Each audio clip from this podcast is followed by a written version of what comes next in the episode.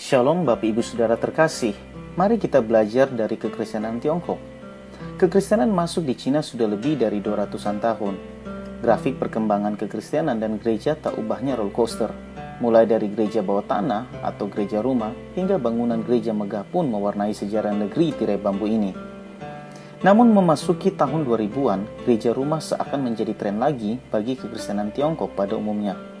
Bukan tren layaknya fashion, gereja rumah menjadi cara terbaik dalam meresponi tekanan pemerintah yang terus berkembang beberapa tahun terakhir. Memang penganiayaan dan krisis tampaknya menjadi tema besar kisah kehidupan kekristenan Tiongkok. Menarik, kata krisis sendiri dalam bahasa Mandarin disebut Weiqi. Weiqi terdiri dari dua karakter, bahaya dan peluang. Ini menunjukkan pada kenyataan bahwa bahaya dan peluang sering kali muncul bersamaan.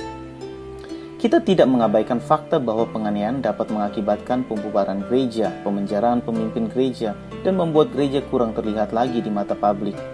Namun kenyataannya, itu semua tidak membunuh gereja Tiongkok. Sebaliknya, di bawah penganiayaan, gereja Tiongkok menjadi lebih dinamis dan kreatif. Bagaimana dengan gereja Indonesia saat ini dalam menghadapi krisis akibat pandemi global? Mungkin adil untuk mengatakan bahwa gelombang krisis yang tak terduga ini berfungsi sebagai panggilan membangunkan Segala peristiwa ini bisa menjadi new normal untuk masa yang akan datang. Bagaimana gereja dapat bertahan hidup dan bahkan berkembang di lingkungan atau di masa baru yang jauh lebih keras. Gereja sudah harus mulai merenungkan bagaimana mengeksplorasi cara berpikir baru, pendekatan baru, dan strategi yang baru. Saya berdoa kiranya Tuhan memberikan kepada kita keberanian dan kreativitas dalam memberitakan Injil di masa sekarang dan mempersiapkan kita untuk masa yang akan datang. Tuhan Yesus memberkati. Amin.